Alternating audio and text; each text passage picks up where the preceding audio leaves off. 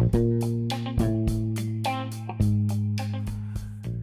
teman-teman, balik lagi barengan sama Adam Komajaka tentunya Cuma di Komajaka Podcast. Dan di episode kali ini Adam mau bahas soal manajemen radio. Wah agak berat ya, tapi ya udahlah ya Manajemen radio.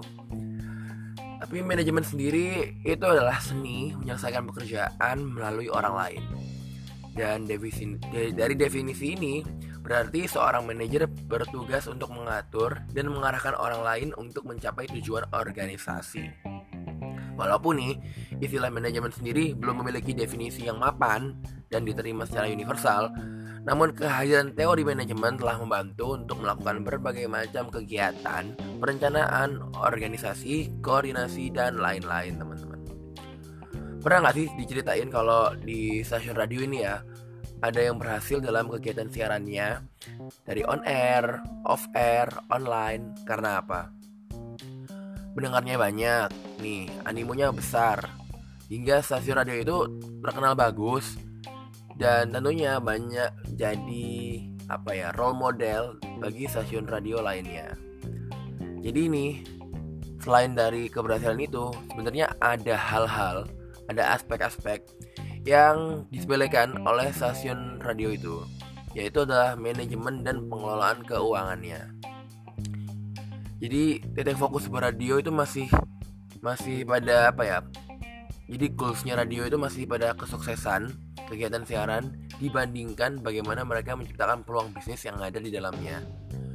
Jadi sekarang ini sebenarnya lebih penting nih aspek manajemen keuangan di dalam radio ini sangat penting dan jangan dipandang sebelah mata karena selain kegiatan siaran yang lancar, seharusnya kita juga bisa menciptakan peluang untuk mendapatkan keuntungan dari siaran tersebut.